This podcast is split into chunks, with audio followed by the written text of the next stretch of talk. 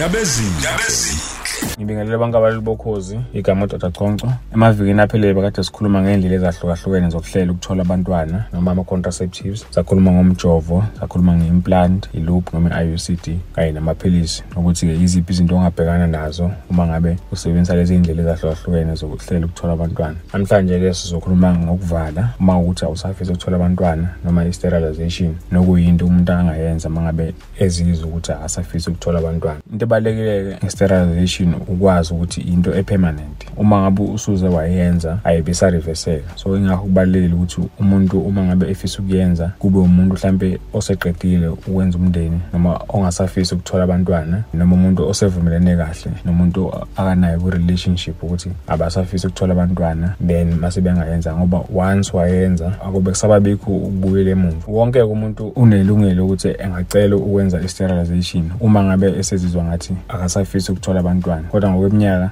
ideally kumele kube umuntu mhlawumbe oneminyaka engaphezu kwa-22 kuyaphezulu noma kube ukuthi unabo abantwana abaphilayo. Kahle kahle kube kujwayele ukuthi kube yinto abantu abashadile kodwa noma ngathiwa ushadile uma ngabe ufisa ukuvala noma uma ngabe ubona ukuthi usunabantwana abaningi noma awusafisi ukuthola abantwana ungakwazi ukuthi ucele ukuvala. Kodwa into ebalulekile ukuthi kumele kube ukuthi uya-understand ukuthi once wayenza angeke sakwazi ukubuyiseleka emuva akusiyona kuphela into yomuntu wesifazane ukuvala. Nomuntu wesilisa naye engavala. Kumuntu wesifazane uma ngabe uvala ila khona kusuke kuvala khona ama-tubes la okukhandeka khona umntwana la kuhamba khona iqanda kuze kukhandeka khona umntwana. Kuyaye kusikwe nje lapha ama-tubes i-operation encane. Akufani noma ngabe usuke wenza i-cesarean section noma uma ngabe uteta ngomthumo kuba i-operation encane la usuke kusikwa khona ama-tubes evalwe usuke usangaya esikhathini uma ngabe usuvalile kodwa angeke usakwazi ukuthola abantwana ngoba usuke ungasakwazi ukukhipha amaqanda amaqanda ngoba usuke sekuvalekile la okuhamba khona amaqanda. Kwesinye isikhathi kuyenzeka-ke kwenziwe kwenziwe lento ekuthiwa i-laparoscope. La khona kuvulwa nje imbobo ey'ncane kungabe operation enkulu. Bese kufakwa amakamera bese kiwa lapho ama-tubes ukosika ama-tube lawa evalwe. Bese-ke ungasakwazi ukuthola abantwana. Into ehambisana nayo abantu abaningi abajwayele ukuyisaba ama-complications ahambisana nakho noma ama-side effects. Akusiwona ukuthi kusikwa ama-tubes kodwa ama-complications awe-surgery ahambisana ne-surgery ukuthi bekade wenza operation especially uma ukuthi usanda kukwenza ngenzeka mhlawumbe kube buhlungu la kade wenziwa khona operation noma kuyenzeka futhi ubleed kancane after i-operation.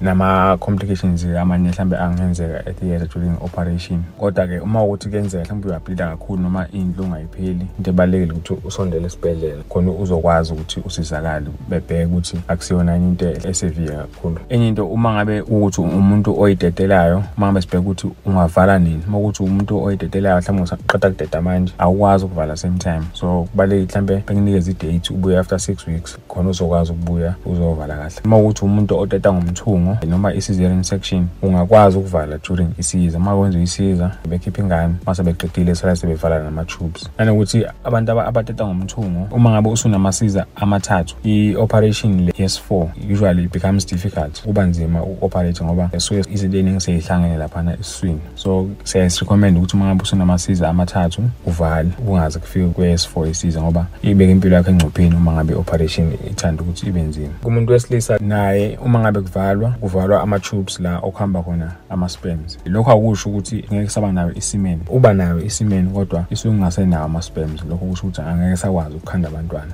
Nakhona futhi umuntu wesilisa once wavala yinto epermanent ayipho sakwazi ukuyi-reversa so i-decision uma ngabe seniyithathile kumele kube ukuthi nivumelene and uya-understand ukuthi angeke sakwazi ukureverseka. Njengawo wonke-ke ama-contraceptives noma iy'ndlela ezahlukahlukene zokuhlela ukuthola abantwana ngaphandle kwekhondom ukuvala nakho akukuvikeli ukuthi uthole izifo ey'thelana ngokocansi noma ama-STIs so kubalulekile ukuthi uma ngabe usuvalile uma ngabe uyimbandakanya ocansini ungasebenzisi iy'ndlela zokuvikela mhlawumbe njengokuthi usebenzise ijazi lomkhwenyana noma amakhondom khona uzogwema ukuthi uthole izifo ey'thelana ngokocansi ngoba ungenzeka ukuthi awusakwazi ukuthola abantwana kodwa lokho akusho ukuthi ungeke usakwazi ukuthola izifo ey'thelana ngokocansi. So kubalulekile ukuthi uqhubeke nokuyivikela ngisho usuvalile ukuthola abantwana. Ngiyabonga. Ukhona imibuzo angayishiya kufacebook. Ngitholakala kusifiso conco ndabezini ndabezini njalo ngesonto kusukela ngo-12 kuya ku-3 ekseni